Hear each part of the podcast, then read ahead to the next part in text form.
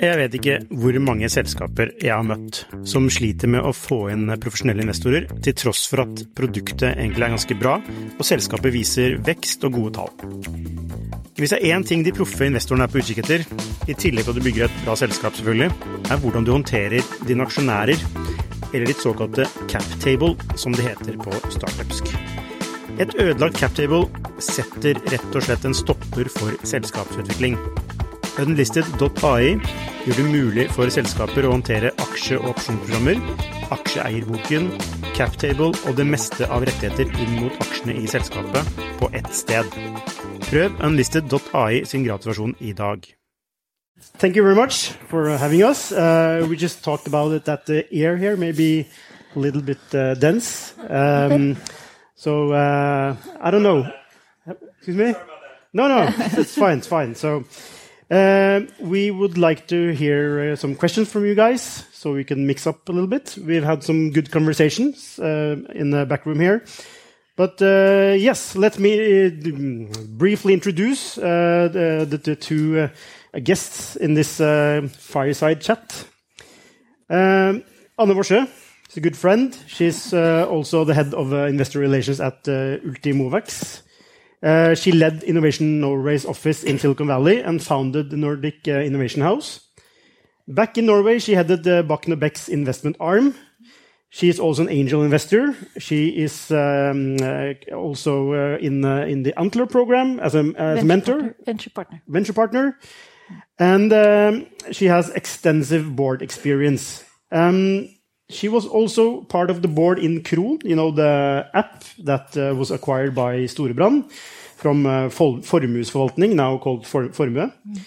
And um, she is here to uh, share her perspectives on uh, what uh, uh we can learn from investors and, and uh, startups. And speaking of startups, uh, Erlend is the co-founder and CEO of Working Group 2, uh, before that, he was uh, head, he was stationed in Bangladesh uh, as the head of strategy and VP of innovation at Grameen Phone, which is a Telenor-owned company. And uh, on this, more or less, the story is more, more, or less like this, but on his way home back to Norway, he asked uh, the Telenor CEO, Sigve Brekke, uh, if he, they could build this company that would revolutionize the telecom industry. And uh, Sigve, uh, I know you, you, can't say that, so I will say it. Sigve, without quite knowing what Erlend was talking about, said yes. And that marked the start of uh, Working Group 2. So thank you very much for being here, Erlend. Okay. Um, let me uh, start with you, Anne. Uh, according to the late innovation guru and Harvard professor Clayton Christensen, there are nearly 30,000 new products introduced each new year, and 95% of them fail. I don't know if these numbers are correct or not, but uh, I think we can agree uh, upon that uh, the majority of initiatives fail. So why should you do corporate venture if it's most likely to fail? Um, I think Kristin just answered your question. Uh, because uh, without that innovation, without Finn and, and Morgenlevering and all the others, it will, I mean, what still be newspapers on paper. So, uh, especially if, if it's an industry that is uh, where where there's a rapid disruption in business models or technology or these kinds of things are driven driving uh, the development of the industry to to to maintain your position and uh, also utilize um, the advantages as a corporation. Um, I, I, think mm. you know corporate innovation is uh, is very it's important. Yeah. It's key. So let's just maybe clarify uh, a couple of um, terms here. So you have you have corporate innovation, which is like innovation in the corporate, and, and then uh, and you have uh, corporate uh, venture uh, or corporate venture capital or CVC as they call it, mm -hmm. which is the act of actually funding or or um, being an investor in in um, in uh, startups or or other companies. And then you have corporate venture building, which is more of a building a corporate within uh, sorry, building a startup within the corporate or, or a company within the corporate. So uh, I asked you about about corporate venture. So Okay. uh, Kristin here, yeah. she is um, maybe uh, who was uh, on just before us. Yeah. That's corporate venture, Yeah, you mean Shift Venture? ship shifter Yeah, venture. right, that's true. Yeah. Yeah, uh, but the Finn initiative or the, the classifieds is maybe a corporate venture building, in in a sense. Uh, and you, uh, Erlend, you uh, are um, uh, the CEO and, the co-founder of uh, Working Group Two. What would you? How would you characterize your company? what we were. Uh, that was a mix. Uh, so I think it's a bit like Finn, right? It was uh, a structured internal initiative to innovate in a corporate. Uh, that's where it started, and then it became clear that uh, if we were to uh, gain global dominance, uh, that wasn't going to happen for inside Telenor. Uh, and it became, I guess you could say, corporate venture. We, you know, we went out and funded, and Telenor remained a big owner in the company. Uh, yeah, so I think it had stages to it. Uh, but it started firmly as corporate innovation, I would say, and corporate uh, innovation more than venture building, I would say. So, if you were to pitch your company in one sentence, what what does it actually do? Uh, That's always fun, isn't it? no, uh, it's a bit like uh, you have Android for smartphones. We build uh, Android for mobile networks. So we do it at one level behind your phones, but actually in the networks themselves. Is a way to think about it. Can I, Yes. can I ask, uh, would you have started it if uh, the company, if Sigve said no? Uh, I think uh, we talked. That's, that's a good question, right? Because so what we build is critical infrastructure. It's the mobile core network. So if we go down, your phones don't work. So then you can call me. Uh, well, some of you can. we don't have global dominance quite yet, um, but it's critical infrastructure. Uh, and selling our product to an operator is like that can take two, three years. So our first deals they took almost three years to complete. So it's not exactly a venture-friendly space, uh, right? Because you can't track uh, sign-ups and you can't track traction. Like hypergrowth?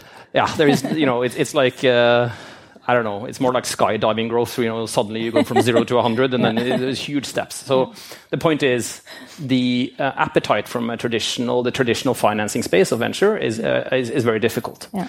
So it's actually a space that is suitable for someone who has some sort of understanding, patience, and a special interest, I would say. So I think the answer is actually no. I, I don't think we, with our backgrounds, we weren't uh, savvy financiers, we weren't savvy uh, people who could go out and get funding at the snap of, you know, we didn't, we didn't know how to do that. So uh, without Telenor, it wouldn't have happened, is my judgment. Yeah, but and then without Sigve, it wouldn't happen. No, I don't think we needed that Yeah. support. That would have been the system would have probably killed it. It was individuals that drove it, Sigve and, and, and others, uh, Ruza and, and Morten, and you know there was a set of people, but but key stakeholders they pushed it through. Would you say that this is a principle, maybe that if you don't have top level backing, it will never happen? I think it's a it's an extremely arduous journey. You know, even in any scenario, even with that support, and unless you have that backing, I uh, I, I think it's extremely hard. Yeah. Yeah. I agree. Yeah. So uh, bottom-up initiatives should get backing as soon as possible. Yeah, and I think certainly when you want to do you know big things, and you know we've spent you know significant amount of money.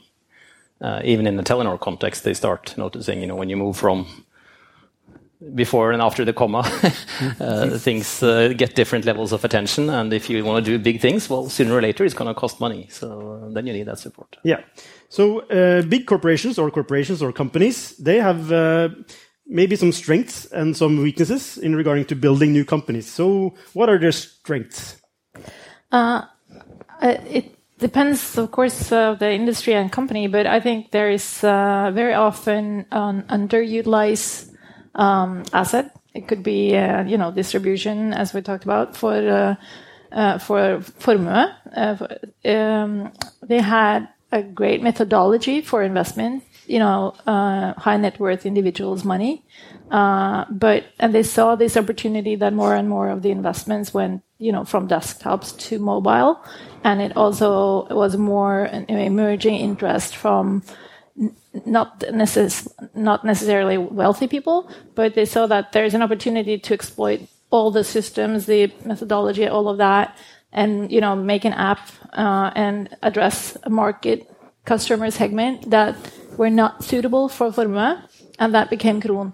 And that's it's a pretty good example because they kind of utilized everything they had built during 20 years, and then just do did a spin out that really reached a lot of people with you know the great strength uh, they had in like um, they had a legacy of brilliant investment methodology, and that was became you know available for everyone. Good example. It's a very good example. Yeah. Uh, and um, uh, while you were talking, I was thinking because Formue, they created this like yeah. from a strategic. Uh, it started as like an innovation project in the yeah. company. Yeah. Yeah. Um, but they it was eventually sold, so it became a financial yeah uh, uh, benefit benefit yeah, so yeah. so and the same thing with the with your, your company mm. it was it was created inside Telenor but it was eventually sold or in, in the process of being sold to to Cisco so mm. there are other ways you can make financial investments aren't there Sure. And it's also interesting, I think, you know, we were almost the opposite in the sense that this did not start as a strategic leveraging Telenor strategic assets in the same way, right? Yeah. It wasn't core to them at all. It was a uh, the team was actually building something else, and they were so frustrated with how the tech stack looked that they fixed the entire tech stack instead of building what they were trying to do. So it's kind of the opposite. Uh, and I think in Telenor's case, the asset was actually people. It was they had an abundance of talent after Comoyo, after a big initiative that was shut down. They had lots and lots of good engineers. So their key asset in this was actually people. And I think finding these gold nuggets, they can be completely different things, right? They can be patience, they can be people, they can be physical distribution, they can be 10,000 base stations standing around in Norway. But I think every company has them. Mm. Uh, finding them is just the key, and then being very persistent and conscious about what your advantage is. And also, if I can just build on that, I not see it as a threat that yeah. someone else, like a very different type of organization, is trying to utilize your distribution system or your methodology or or your yeah, your talent. But so everyone, every company that are um, going into building a, a new company they do they need to know or identify their key assets? Like, do they have to have some some sort of key assets, some sort of leverage uh, in terms of building this company, or can anyone just do it without knowing this? I would almost maybe turn it around and say every company is guaranteed to have some asset. Yeah. It's almost yeah. like your personality, right? If you're good at something, you're probably bad at the flip side of that thing, right? If you're extremely driven, maybe you're, you know, not great to be a patient talker, or if you're extremely smart, maybe you're arrogant. I mean, yeah. every asset has a flip side. And I think every company, you know, if you're small and stressed, okay, maybe you're willing to take risk. That's your asset. Mm. If you're huge and have muscle, okay, use your distribution power. I mean, so I think there's always assets. It's just figuring out uh, what they are and being uh, patient uh, with leveraging the asset that you have. So, so you mentioned one asset, people. Yeah. But another asset for you, your company was uh, Telenor being your first customer. Yeah. That's a that's a huge one for yeah. That's very specific to that industry, right? Because selling a core network from an unknown vendor, so it's like selling, uh, you know, a, a, health system or a core banking system. You're not going to go to DNB and say, "Hey, we're a startup with five people. Can you please replace your core banking system?" This, it just doesn't happen. But DNB can be its own customer. Mm. Uh, that's a huge asset. Um, and, and, especially in that industry and those types of industries with critical infrastructure, mm. that's like a you know huge asset. First customer. Mm. Oh. Yeah. So people, first customer. Those were the two big ones yeah. for, for, them. In in your case with Kron, it was uh, methodology. Yeah, it was also the um, yeah, it was like a proven methodology through 20 years. It was also, you know, very strong uh, skills in some of those more like heavy lifting things like compliance, a mm. very good knowledge about like the regulatory authorities, financial regulatory authorities, a very strong standing within that community. And also, uh, you know, fun fact was that a lot of the um, employees in Formue became Kron customers, yeah. which is, uh, and they were like very demanding and very supportive at the same time, which was amazing. How many here knows uh, Kron? Let me know. Oh, perfect. Yeah, it's yeah. it's great. Yeah. Yeah. Uh... it was it's acquired. Uh, it was acquired by uh, Storebrand, but it's still great. yeah. and it's still great. Yeah. And it's still great. Yeah. Uh, okay, so um, um, I, I introduced this by, by, with saying Yeah. that the most projects fail. Yeah. So, but what type of what uh, the um, uh, How do you um, If you were to find the, the Jeg vet ikke hvor mange selskaper jeg har møtt som sliter med å få inn profesjonelle investorer, til tross for at produktet egentlig er ganske bra, og selskapet viser vekst og gode tall. Hvis det er én ting de proffe investorene er på utkikk etter, i tillegg til at du bygger et bra selskap, selvfølgelig, er hvordan du håndterer dine aksjonærer, eller ditt såkalte cap table, som det heter på startupsk. Et ødelagt cap table setter rett og slett en stopper for selskapsutvikling. Unlisted.ai gjør det mulig for selskaper å håndtere aksje- og opsjonsprogrammer, aksjeeierboken, captable og det meste av rettigheter inn mot aksjene i selskapet på ett sted. Prøv unlisted.ai sin gratisversjon i dag. Project that uh, succeeds, what, what do they look like? Do they have any similarities? I think we agree there. Yeah, I think uh, so. So Telenor again is, is kind of interesting because their their big project failed, Comoyo. Yeah. You know that that was an expensive big project, and then that turned into I don't know how many. I don't know if anyone here was part of that journey, but probably I think actually Kristin, who was speaking here earlier, was part of that journey. she was part of that journey. But it was tens of projects. Whereof Whereby, which is uh, Yeah. Appearin, uh, used to be Appearin, now Whereby, that became a project, and we came out of it.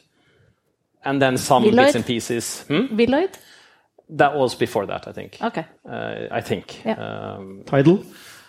Uh, no, that was not. Uh, that's actually more Schibsted than Telenor. Okay. Uh, so that- that's also my old job. Um, but uh, so, so I think. Um, so first of all, uh, uh, you know, it failed, and it was kind of seen as a failure, the big thing. They now got their money back in unexpected ways, I think, right? Um, and then in terms of what worked and didn't work, uh, I think that was largely people driven in that context.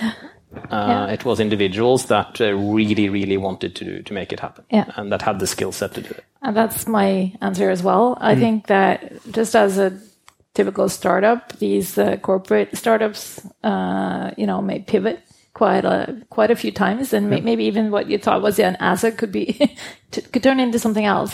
But it's I think it's always about the people. Someone who really wants to build this is super motivated, fine with skipping the fancy lunch at the, the corporation and uh, and you know, just go rogue and, and build something unique.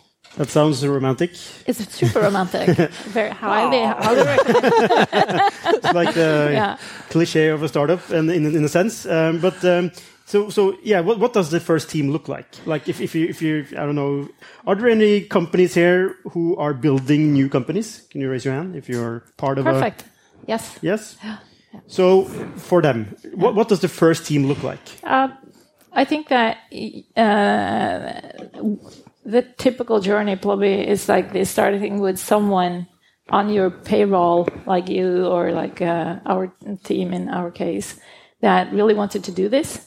Uh, and then I, at least we had like very good experience with pretty early hiring external people with more, more not that maybe the corporate legacy or uh, I had to say that the, the, the team from Formue was was great, but you know when we got like external talent with like super fast speed, very like uh, hyper growth oriented, and also when we spun out the company and we had uh, we were like a few uh, external board members were almost there to keep the Formue management just say you can't say that you know these guys need the autonomy and that kind of thing. We had really good discussions.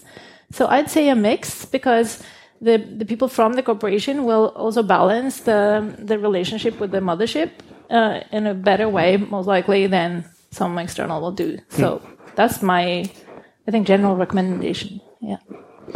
Yes. And I think, uh, I think uh, I I would look for. I think we talked about a little bit earlier. I would look for spikes. Yeah. So I, I think again everything is contextual. So I think every every company is different, and you need to respect the differences of each company. But I would say in general, it's hard, it's difficult, and it's going to take longer and be harder than people think. So so you need an unfair advantage in some shape or form. Mm. And on the people side, that unfair advantage should come from somewhere. And what somewhere is depends on the situation and the company. You know, sometimes it's just pure drive or analytical skill or selling skill or whatever. And for us, it was technical skill, right? So, so our entire, I was the only non-engineer in the entire startup for a long time. Uh, so we had a very, very hardcore engineering talent that understood telco tech, and that was our unfair advantage in those early days. Still is. Yeah, because when you said spike, what do you mean by that? So, so a, an uncommon uh, uh, trait uh, in the team uh, with, with a, a, a skill set that Like a superpower? Yeah, kind of a superpower, uh, which can be you know very technical and and uh, fagly. Uh, what would be the English word? Uh, kind of. Professional? Um, Professional? yeah, it's like a professional skill that I understand telco protocols at its most obscure level, uh, but it can also be things like drive or salesmanship or, or whatever, right? Uh, so, so I think it, it can be any sort of spike as long as it's relevant to the context that you're in. But if there is no one with those spikes, then I would get nervous very fast. Yeah. But do you think the same team would have uh, joined a startup with like uh, funding for the next six month period, and then we don't know what's going to happen? Or do you think like the whole backing from a financial strong? So there's a fun story to this, which is we were about 10 people. Um, and we were taking all 10 with us. And then on the day before exit, five of them said, This is too risky for me You mean exit from Telenor? from Telenor. okay, is it an exit? Okay, Yeah. so so at, at exit, because we were 10 employees, we wanted to do this more or less. And, then on the day before exit, five of them said, Ah, sorry, I'm backing out. Five? Yeah, Half. half, the team basically said, Hasta la vista, uh, which was interesting. Yeah. Um, and then I tried to have this you know, very rational discussion about what's really risk and like Yeah. a meta discussion. and, you know, I can't remember, 12, 18 months later, their jobs were no longer there. Exactly. And, and ours were. Yeah. And then, but the opposite is also true, right? Yeah. So the- the- my point is risk is relative. Um, so the, those five that joined, yes, they would have gone for six months funding. Right. but the five that didn't join, they would not have. So they had the spike. They had the uh, risk appetite and the spike, I would say. Yeah. Okay, so and okay, let's say you have this team. Is there a type of culture you should de- develop? You need to move uh, i think generically you need to move fast right? So you need trust you need distributed decision making you need um, speed you need um, autonomy you need uh, trust between board and uh, and uh, management. Those are must haves right? It, it will not work unless you have those things. And then you need a ton of other things but at least i think that's So let's talk about governance. How do or how does the mothership govern the small company? Yeah. Should it be on the like on twenty four seven asking for KPI reports or uh, yes yes? Okay, let's move on. Um, I, Anne, No, I I think that the word that you said was you know the trust is is kind of a key thing here. Uh, but the, there's not like one answer to this. I think the mothership needs to decide like what do we want out of this investment uh, in, in time and money and people and everything, and then what do the uh, new co need?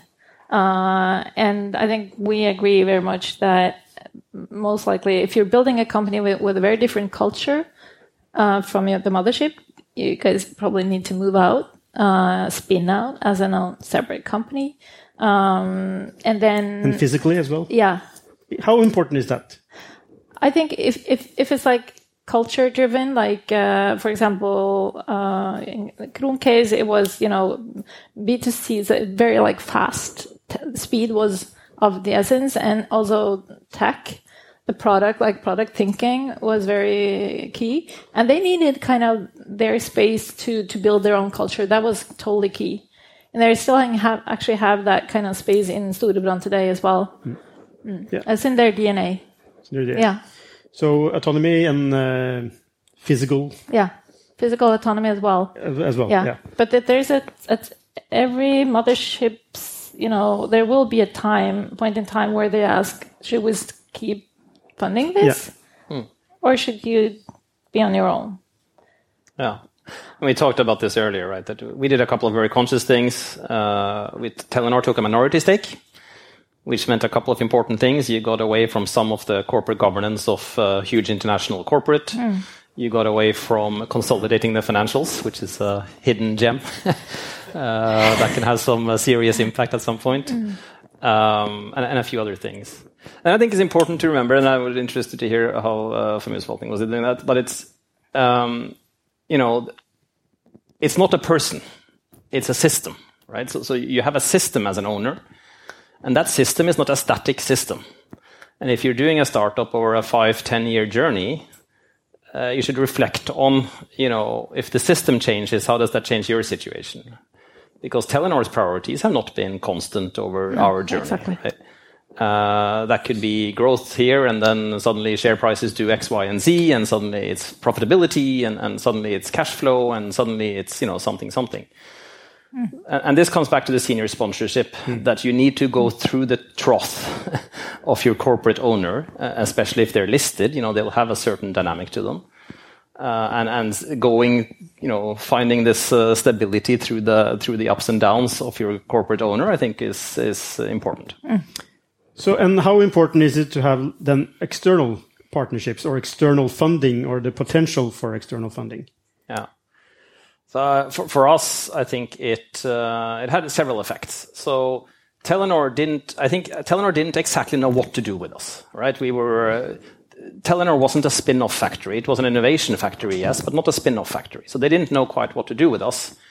But having someone go in and say we're willing to bet new money on this, that gave them the confidence to say, okay, I'm off. You know, then I then I accept. So it had a big thing in, in creating confidence. That was a big one.